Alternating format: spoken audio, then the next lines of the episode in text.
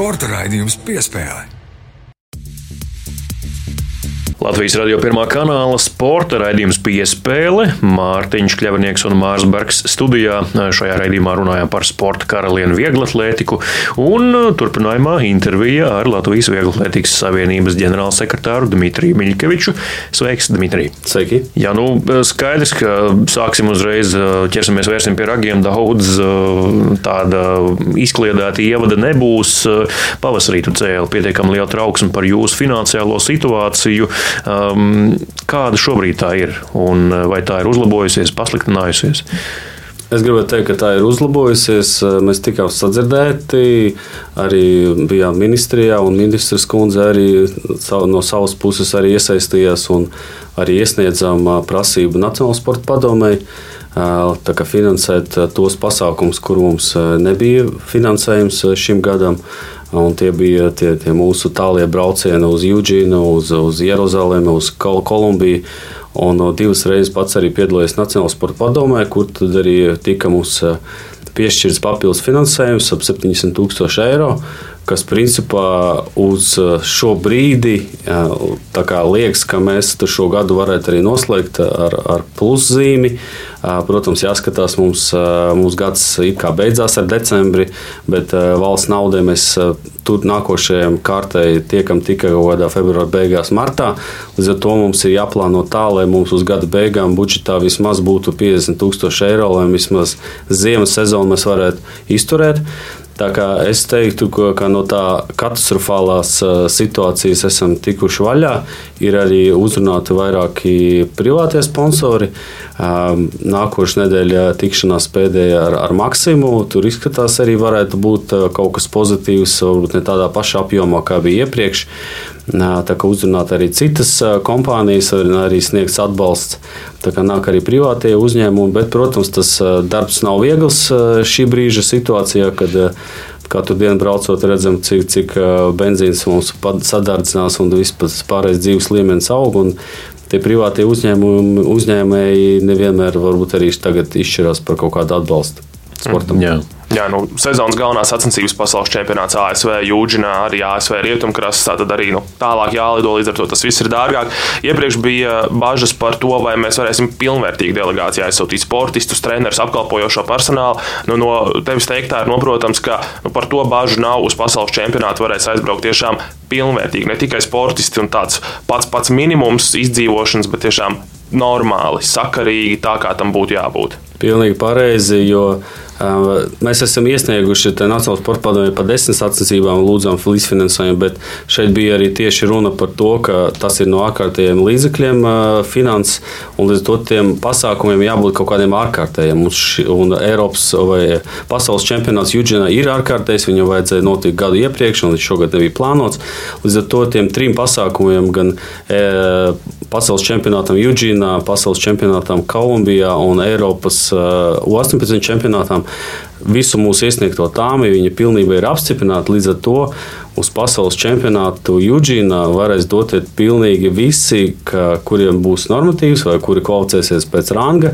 Sportis jau noteikti, un arī viņa treneri, protams, arī visi, protams, balstoties arī uz to piešķirto kvotu oficiāļiem, jo bieži vien to daži varbūt arī nesaprot, kāpēc kāds treneris nebrauc. Jo uz noteikto skaitu sportistu ir attiecīgo skaits oficiāli. Un, un tas ir krietni mazāks. Pieņemsim, uz 20 sportistiem ir tikai 10 oficiāli vietas.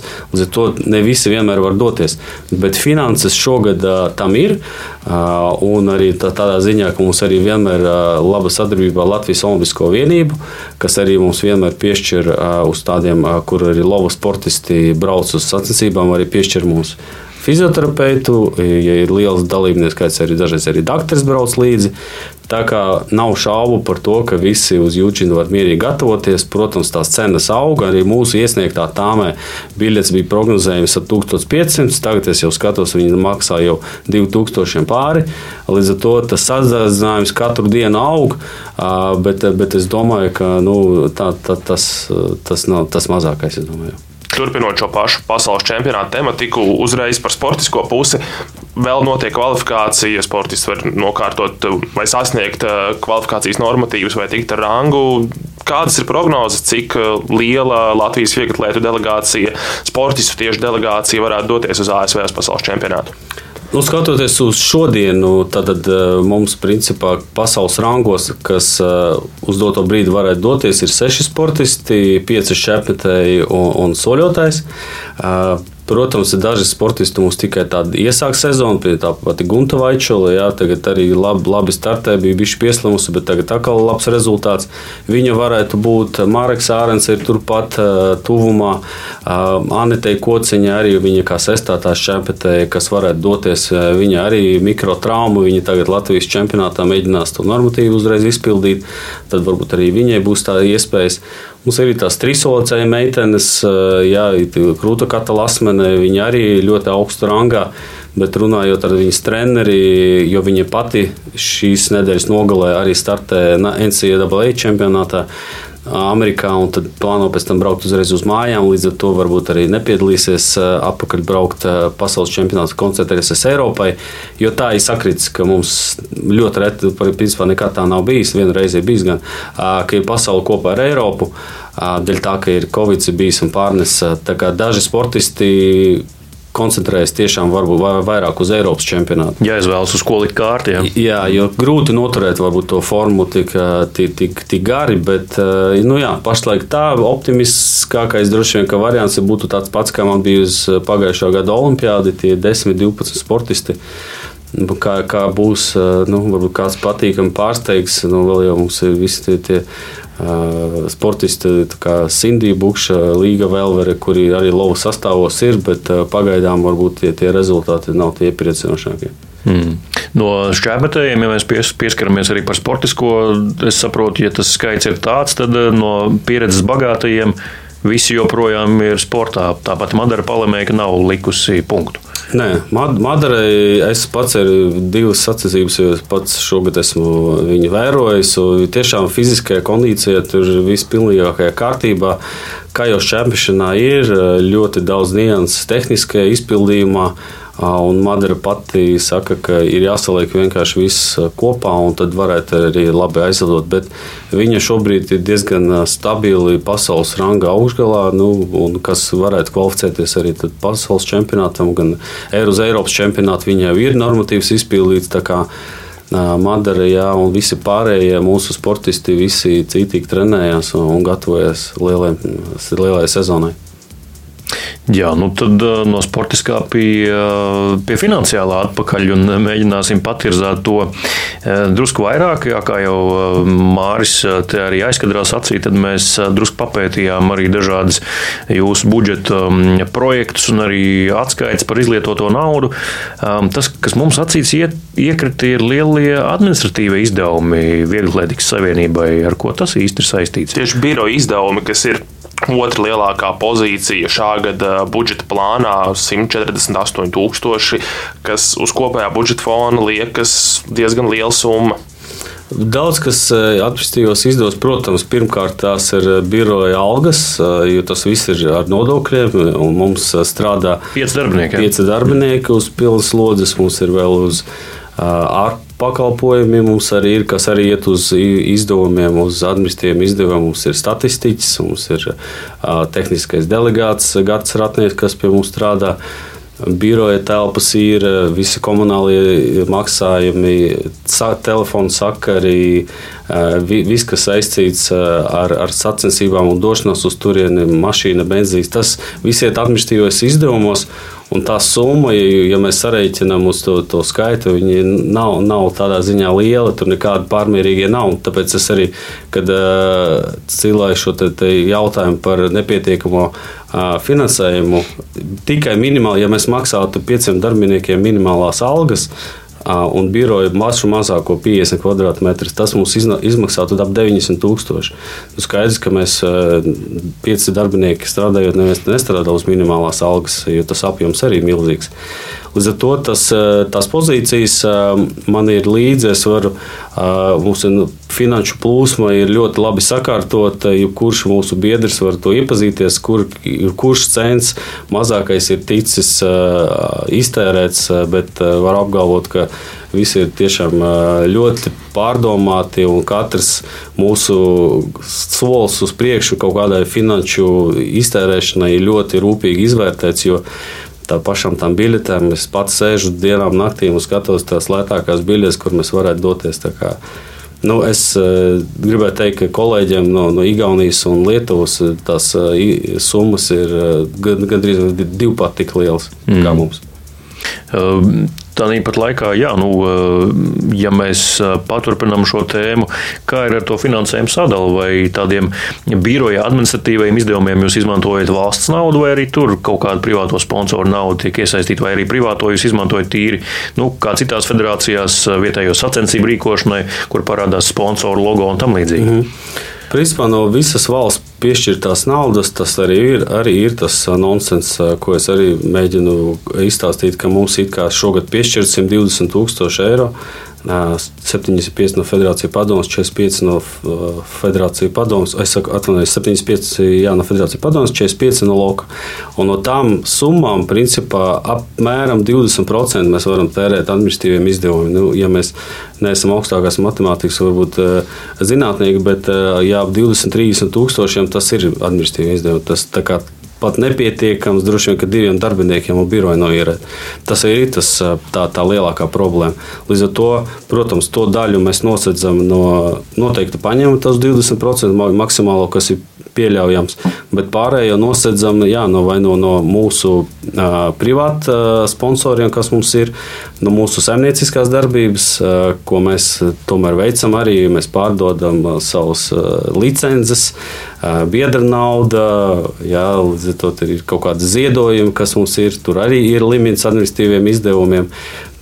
Tas ir viens no punktiem, kur ir problēmas tiešām noturēt to administratīvo resursu un lai ir, ir spēja izmaksāt tiešām darbiniekiem algas. Jo tas man kā, kā, kā vadītājam biroja vislielākās bažas tiešām šogad bija par to, kā mēs vispār varam to visu saimniecību noturēt, lai cilvēkiem ir par ko samaksāt. Mm. Cilvēku mainība līdz ar to ir liela. Bieži jums jāmeklē jauni. Man šķiet, ka noturība diezgan liela. Viegli savienībā tādas stabilas vērtības jums tur strādā. Jā, nu mums principā pēdējā laikā tikai mainījies uh, preses sekretārs.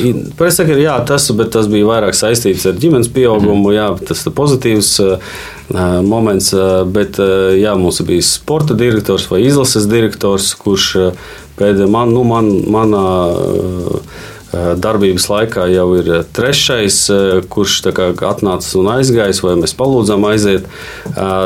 Nu, protams, Edvi, Edvins Krūms bija arī labu laiku. Viņš arī ļoti labi strādāja, bet nu, viņš arī paņēma citu izaicinājumu. Bet jā, šobrīd es pildu tās, arī apvienoju abas tās pozīcijas, gan ģenerālsekretāra, gan arī izlases direktora. Arī, protams, ne jau tā kā man būtu maz ko darīt ģenerāla amatā, bet arī tas, ka tās izmaksas tiešām ir diezgan liels. Ja pieņem vienu darbinieku uz, uz kaut kādu slodzi, tad, tad tās nomaksājot nodokļus, tas ir diezgan liels skaits. Un, Kā jau es arī iepriekš minēju, kolēģos Igaunijā un Lietuvā strādā gandrīz divi pat tik eh, cilvēki kā mums. Mm. Pa deviņi. Mums ir 5. Mm. Jā, nu, ko mēs arī saskatījām gada pārskatos par iepriekšējiem gadiem, ir vērojams ziedojumu samazinājums mm. gada griezumā. Protams, situācija nav viegla pasaulē, un šogad tā ir kļuvusi vēl krietni smagāka, sākoties karam Ukrainā. Bet kā ir ar vieglatlētikas atbalstu? Nu, jums ir it kā liela sadarbības partneri, Nike un arī citi, bet cik ir vietējie uzņēmumi ieinteresēti sadarboties ar Vieglatlētikas savienību, atbalstīt kaut vai tos pašus vietējos pasākumus Latvijas čempionātu? Čempionātu un uh, tam līdzīgas sacensības. Mm -hmm. Jā, ir kritums, protams, tie pēdējo gadu izmaiņas nodokļos galīgi nestimulē uzņēmējus sponsorēt vai ziedot sportam, jo viņš tiešām rēna vienkārši to savu, savu peļņu atdot kā labdarībai.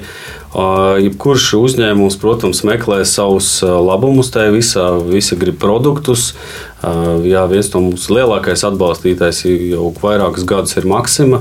Viņu tas skatiens, protams, viņi grib attīstīt vairāk tos ģimenes un bērnus, tāpēc viņam ir tā bērnu programma, bērnu vieglietīgas, bet viņi ir arī mūsu ģenerālsponsors.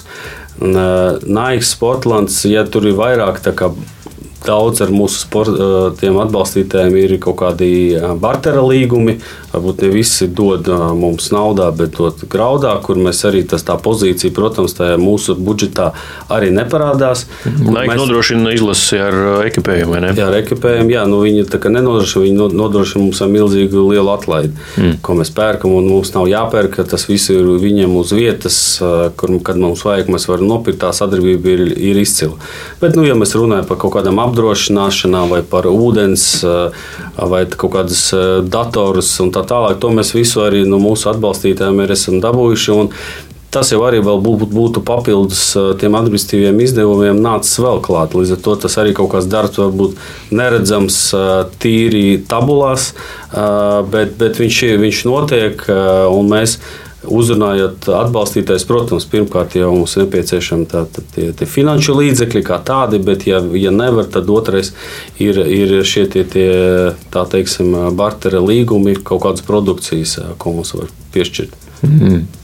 Mēs ar Māriju plānojot šo sarunu un jautājumus, Dmitrij, ko tev vaicāt, nonācām pie tāda filozofiski jautājumi. Vai Latvijas vieglatlētika šobrīd ir sasniegusi savu zemāko punktu neatkarības, pēc neatkarības atjaunošanas? Jo, nu, paskatoties, nu, tā, tāds iespējas varētu šķist finansiāli, šis, ko tu minēji, jau federācija ļoti grūtā situācijā gada sākumā.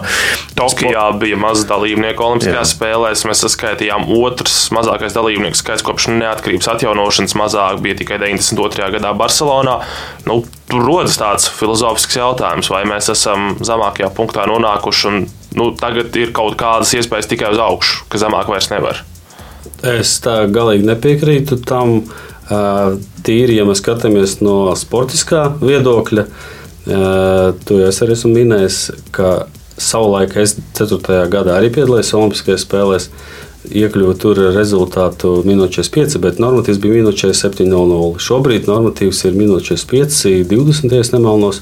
Un ir, toreiz mēs bijām 86 dalībnieki, 800 metros, šobrīd tie ir 48. Tad uz pusi.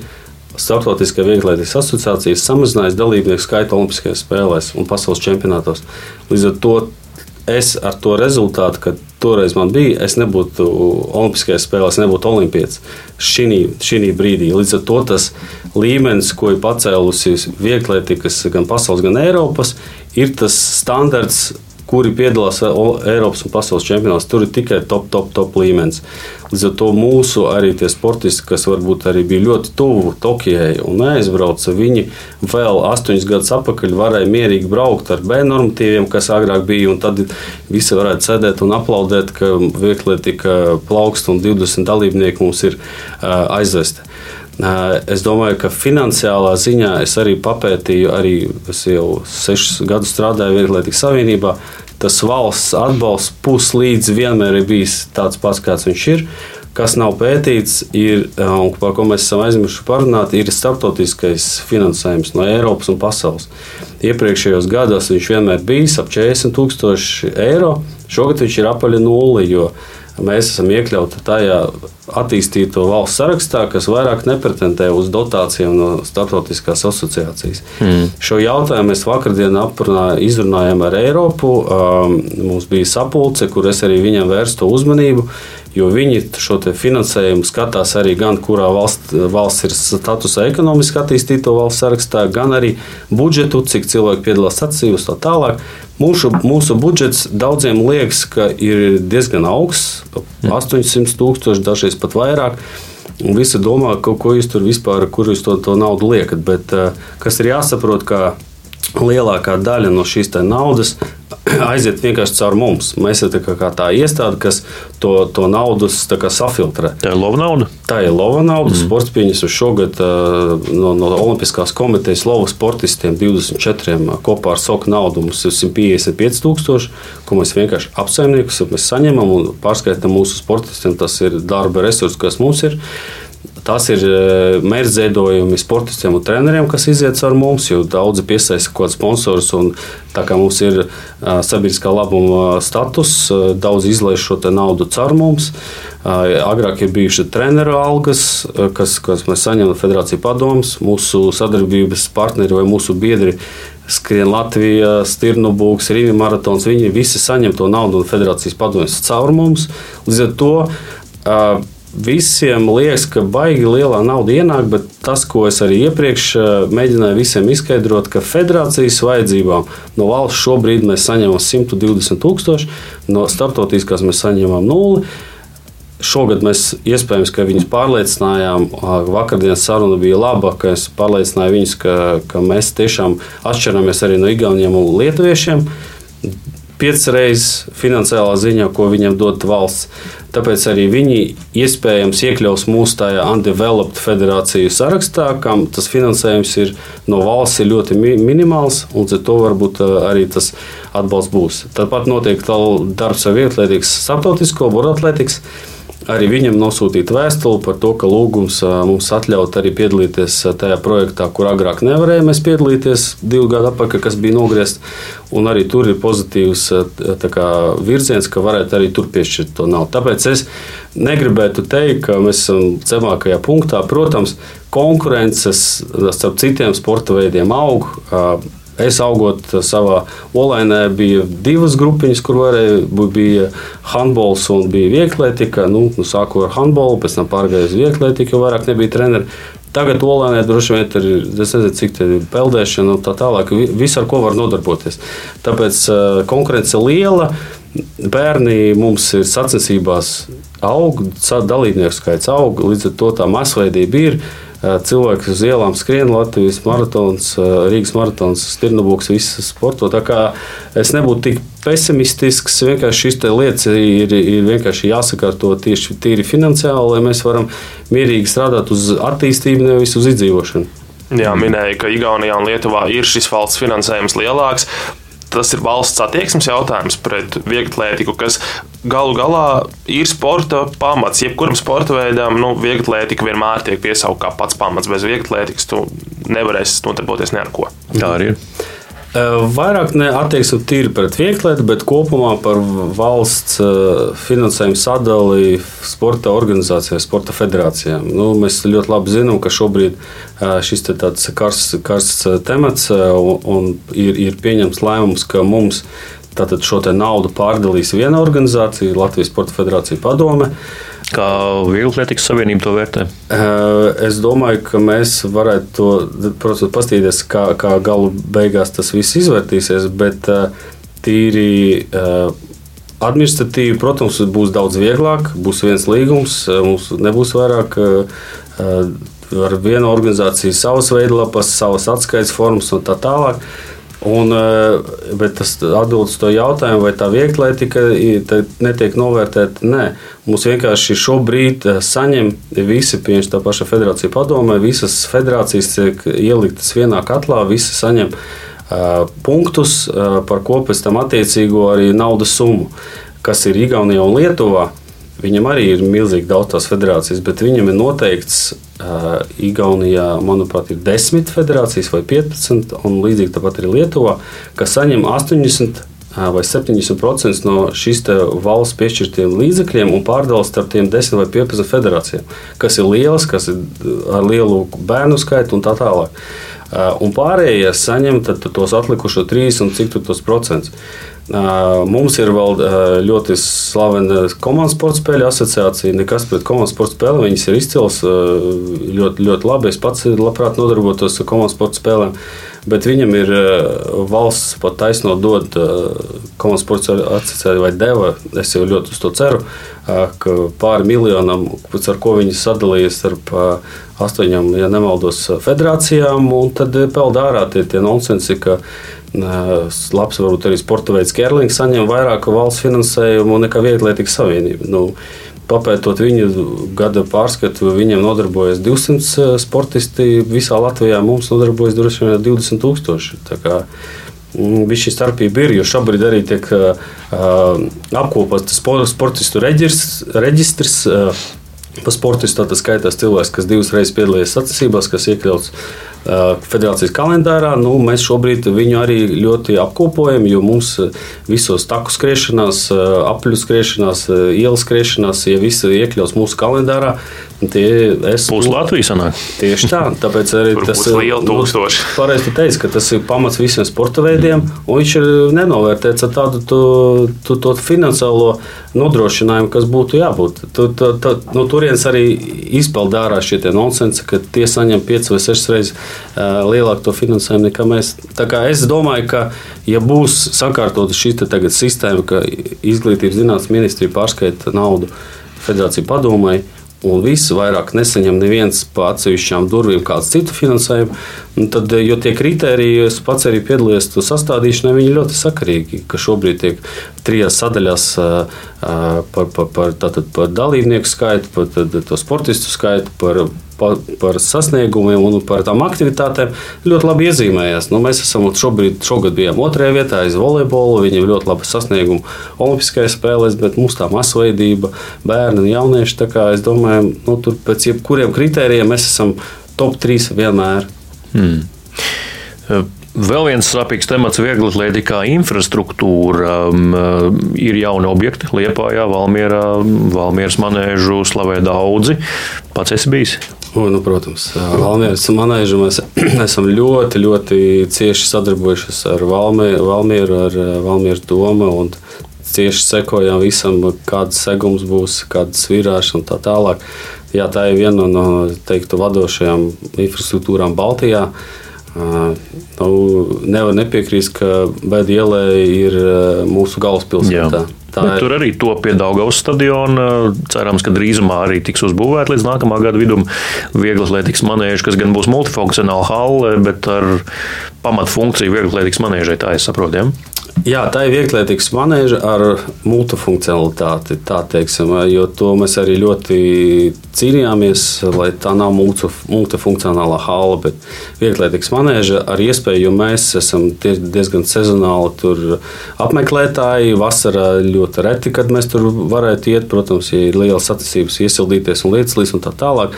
Līdz ar to vasaras periodā, ja kāds nāk iekšā un rīko tur kaut kādas spēles, mums nekāda iebilduma nav. Bet, nu, no septembra tā būtu tiešām pārpildīta celtne ar sportistiem. Bet nu, šobrīd tas neizskatās tik labi, varbūt, kā, kā tu minēji, ka uz nākošo gadu jau varētu būt gatavs. Jo ir arī tas pats, ir savas korekcijas, ievies karš Ukrajinā, Covid. Un, mēs arī ļoti cieši sadarbojamies ar Dāngu stadionu. Nu, mēs paši nu, jau pirmdien vācamies atpakaļ ar savu biroju vecajā, vecajās, nu, teiksim, vecajās telpās, bet nu, nu, jau jaunajās telpās, Daugo stadionā, mm. atkal būsim Daugo stadionā, mums būs mājas vietas. Ar viņiem ļoti cieši sadarbojamies. Tas projekts mums arī iesaistīti trīs cilvēki no mūsu puses, kas darbojas. Bet nu, pagaidām tas process ir nedaudz apstājies dēļ tā, ka celtniekiem ir sadardzinājums, un tad viņi savā pusē rēķina, cik liels. Un, ļoti ceru, ka viņi turpinās celtniecību, un tas viss neapstāsies, jo nu, jau droši vien, ka visiem ir apnicis par to runāt, ka, ka, ka Rīgā nav kur trenēties. Jo šobrīd tiešām nav kur trenēties ziemā. Rīgas Nacionālā sporta manēža, kur uzbūvēta 60. gadā, un stadiona atbilstoši šobrīd Rīgā pilnīgi valīgi nav. Principā mm. šķepetējiem aiziet kaut kur tagad pamest šķēpu ir neiespējami. Ir viens Rīgas tehniskās koledžas, ko paši šķēpētāji klubs cepurnos uzbūvējuši ieskrējienu, kur viņi visi iet, var iet un mest to šķēpu. Ir entās tā, kas bijušas vai, vai ir joprojām uz Rīgas domu runāts ar, ar visiem iespējamiem cilvēkiem.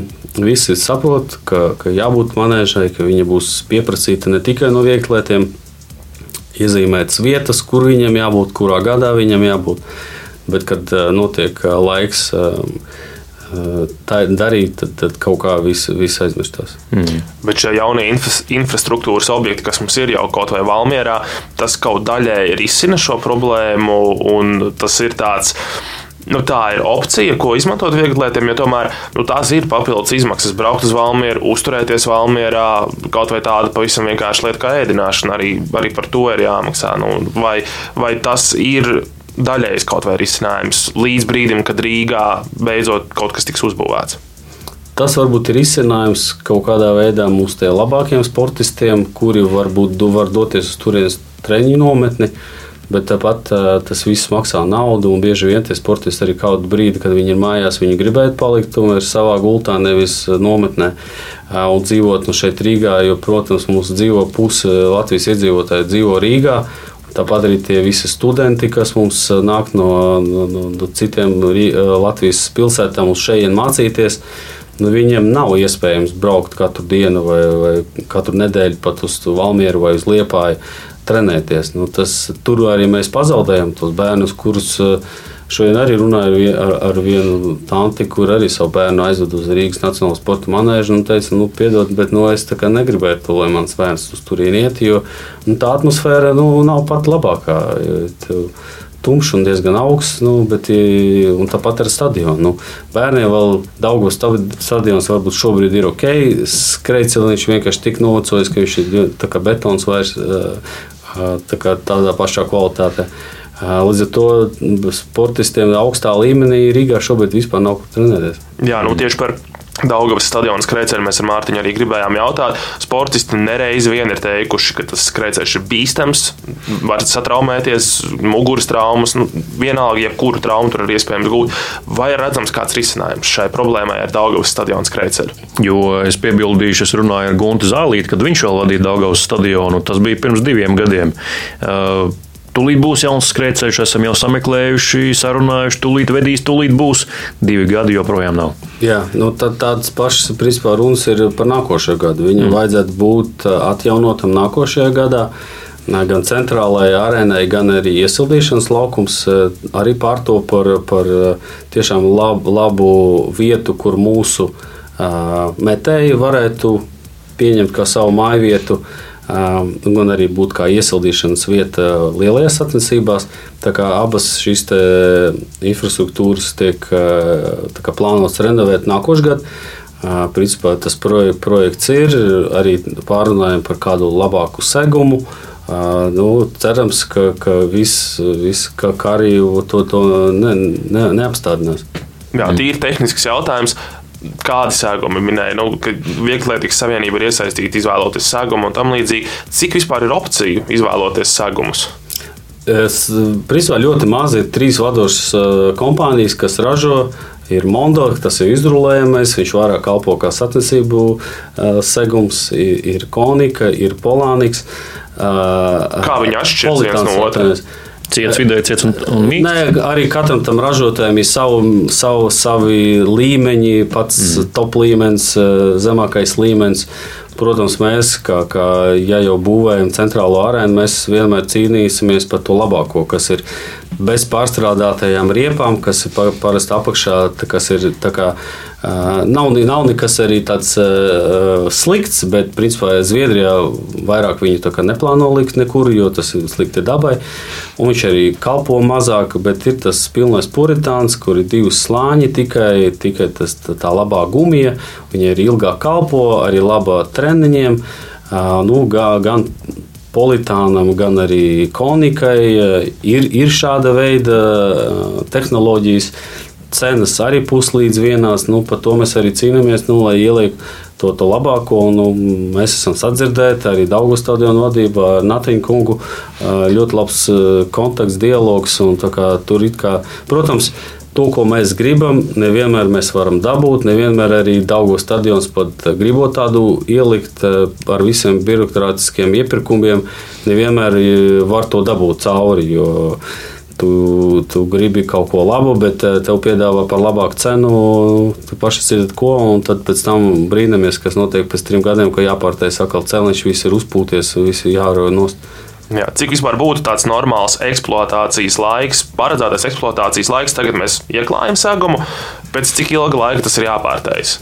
Jo manā dzimtajā pilsētā, kā tieši kā tu teici, jau ir caurumi, jau ir jāliek ielāpi, un tas stadions ir uzbūvēts pirms diviem vai trim gadiem. Ne, tas ir tas kā, lētākais piedāvājums. Lētākais piedāvājums, un tā kurš klāja, viņa varbūt iespējams, ka nav uzrauga, jo var uzklāt viņam jābūt pusotram centimetram tam pīrāgam, tā saucamajam sandvičam. Ja? Un, nu, kaut kur, ja tu vienu milimetru mazāk ielēji to, to, to, tās gumijas uz 10,000 kvadrātmetriem, diezgan daudz ietaupījums. Līdz ar to tur kaut kur iespējams tā, tā pieklibotā kvalitāte, bet principā.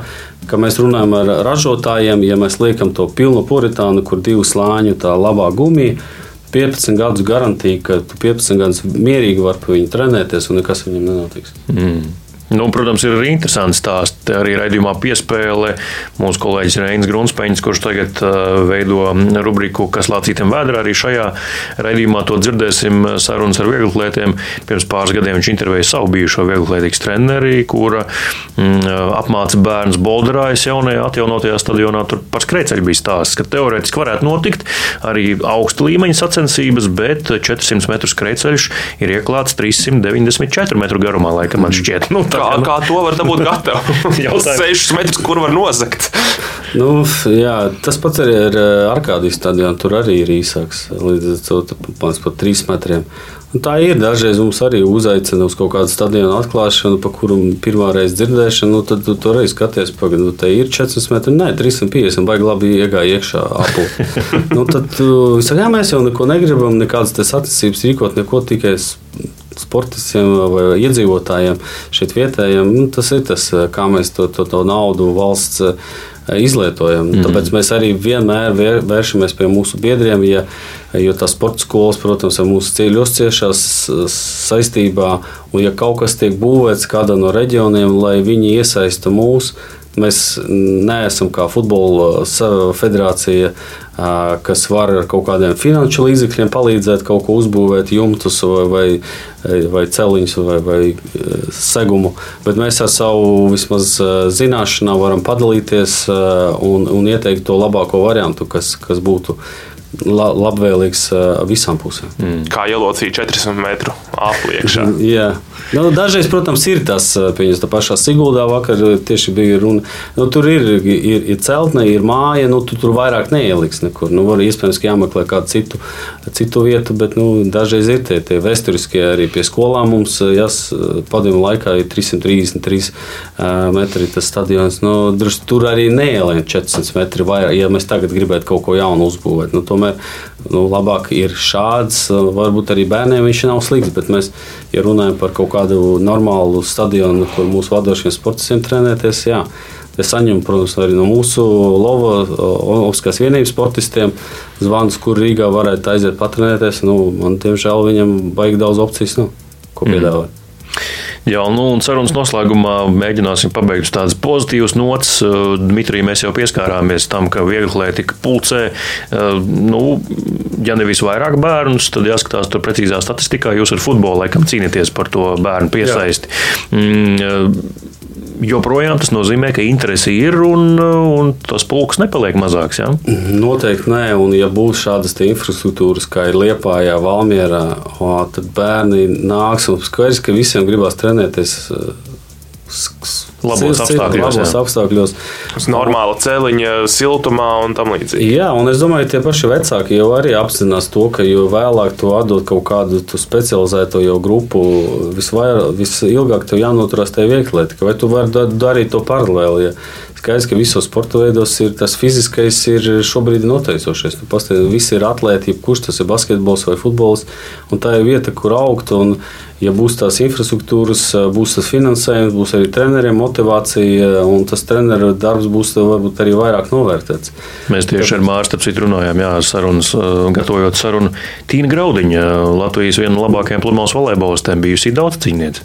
Jā, jā, un es domāju, ka arī viņa varētu būt arī izcila arī augstlicēja. Bet nu, skaidrs, ka tas uh, kopumā vieglietika nav tas komerciālākais sporta veids, un kāpēc arī tas atbalsts no starptautiskās asociācijas mazāks.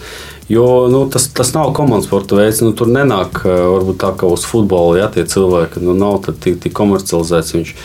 Bet sava niša ir, un, un tāpat arī mūsu jaunieši, mums ir ļoti daudz. un Tas jau ir tas pozitīvākais, ka arī šobrīd uz, uz as- U18 čempionātu vēl nav noslēdzies kvalifikācija. Mums jau ir izpildījuši 18 sportisti normatīvi. Nu, tas ir ļoti, ļoti augsts uh, līmenis. Tas, ko mēs iepriekš runājām par pesimismu, par zemākajiem punktiem, tā, tā, jaunā paudze ir. Jaunā paudze ir, jā, un nu, es domāju, ka šobrīd arī notiek tā droši vien paudzes maiņa. Diezgan tas augšgals mums varbūt kaut kur jau ir sāk iet uz, uz, uz norietu, bet nāk jaunie prieks par visiem mūsu, tā teiksim, amerikāņiem vai amerikāņu studentiem, kas ir aizbra- aizbraukuši uz turieni. Man vismaz sirds ir mierīga par viņiem, ka viņi ir siltumā, pāēduši, apģērbti un ka viņi atbrauc uz šejienes atpakaļ. Viņi visi smaidīgi un ar visu nodrošināti. Līdz ar to es domāju, ka, ka viss vi, viss ies uz labo pusi. Ja, ja mums būs tas resurs, ar ko viņus vismaz apmierināt. Un, ja Rīgā dabūsim Daugu stadionā manēžu un stadionu, būs atbalsts arī federācija lielāks. Iespējams, mēs varēsim motivēt arī mūsu vadošos trenerus mm, ar kaut kādām piemaksām, tā pašā mm, mums rangi izveidot, bet šobrīd vairāk tas finansējums no federācijas padomus nav. Tad tu treneri nesaņem nekādu piemaksu. Bet, nu, negribās, protams, būt tādam, ka tikai naudu visu izšķir, bet viņi izšķir diezgan daudz mūsu tajā līmenī, lai tas sporta veids attīstītos. Jā, vēl viens jautājums, kas man ienāca prātā arī šīs sarunas gaitā. Vieglatlētikas pozīcijas pasaulē tieši komerciāli, kā produktam.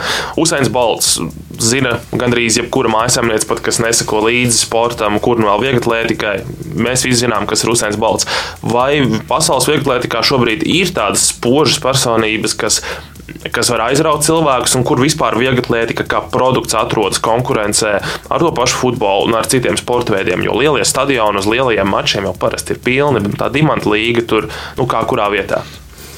Nu, šis atkal bijām uz to pesimistisko pusi. E, Es domāju, ka mēs, nu, vieglī tikai jā, bija Jusēns Bols, bet tad vairāk nav neviena tādas spilgtas personības, vairāk nav. Un tas tā kom kom komercializācija diezgan zemā līmenī. Ņemot vērā to, ka ja mūsu vadošie sportisti, Gatis Čāks, Līna Mūza, viņi ir pasaules top 20 rangā. Uh, un, ja mēs paskatāmies tādus pašus sportistus, top 20 futbolā, basketbolā, volejbolā, vēl kaut kur, cik viņi pelnītu, atrodoties tur augšgalā, un tas ir nesamērāms uh, lietas. Līdz ar to aizbraucot uz sacensībām vēl manā laikā. Es varēju ļoti labi pelnīt to naudu, tas, par ko es šobrīd arī dzīvoju un uzturu sevi un tā tālāk, bet uh, ko es esmu visu izdarījis. Bet, Jo tad tās uh, samaksas vēl sanāk, 10, 15 gadus atpakaļ bija daudz lielākas. Mm. Gan ierodoties sacensības maksāja par ierašanos naudu 2, 3, 5 tūkstoši, kā kur es nebiju. Pirmais Eiropā vai pasaulē, bet man maksāja par vienām sacensībām, tu varēji nopelnīt līdz 10,000 eiro. Nu, šobrīd 10,000, lai nopelnītu, nu, tev jābūt dimanta līgā, tur top 3. Bet uh, ej un tiec tur, un ej un sasniedz. Un līdz ar to tās sacensības ir ļoti daudz. Un, mm, Tagad arī visi skatās, cik lai uzaicinātu, vajag biļeti apmaksāt, dzīvošana jāapmaksā. Tas viss uh, dārgi paliek, un tie sponsori varbūt arī starptautiskajā vieglietu asociācijā nav tik daudz, jo nav tās spilgtās zvaigznes, par ko tu runā. Mums tiešām vajag tās zvaigznes, lai atkal aizrautu. Protams, arī viņi domā par kādām formātu maiņām. Jo tās sacensības var dažam parastam cilvēkam, mm, kāds gudrs, protams, izgudrojas futbolu, ka tur ir pusotra stunda, jā, un viss beidzās divas stundas. Tad, cik cilvēks var noturēt uzmanību? Viegli lietot, ka tā nav. Tā nav, jā, tu dažreiz vari aiziet uz stadionu, tur sēž četras stundas, un tad uh, liekas, uh, ka, ka ir garlaicīgi. Bet nu, tas, kā kuram pie sirds, kas kuram pie sirds. Uh, mm. Tāpēc nu, mūsu sporta veids ir pats labākais, pats skaistākais un pamats visam. Un es domāju, ka tās pozitīvas nots mēs varētu arī. Jā. Tomēr karaliene, karaliene vienmēr ir skaista, un arī šī karaliene ir skaista un skaista. Tā ir arī Latvijā. Un pie tā arī paliksim, lai tā ir arī nākotnē, un, un lai tā kļūst vēl skaistāka un panākumiem bagātāka. Paldies! Sporta karalienes Vieglatlētikas Savienības ģenerālsekretārs Dimitrijs Miļkevičs bija Latvijas radio pirmā kanāla sporta raidījuma piespēle sarunbiedrs. Paldies, Dimitrij, kā atnāci! Paldies, paldies kā atnāci!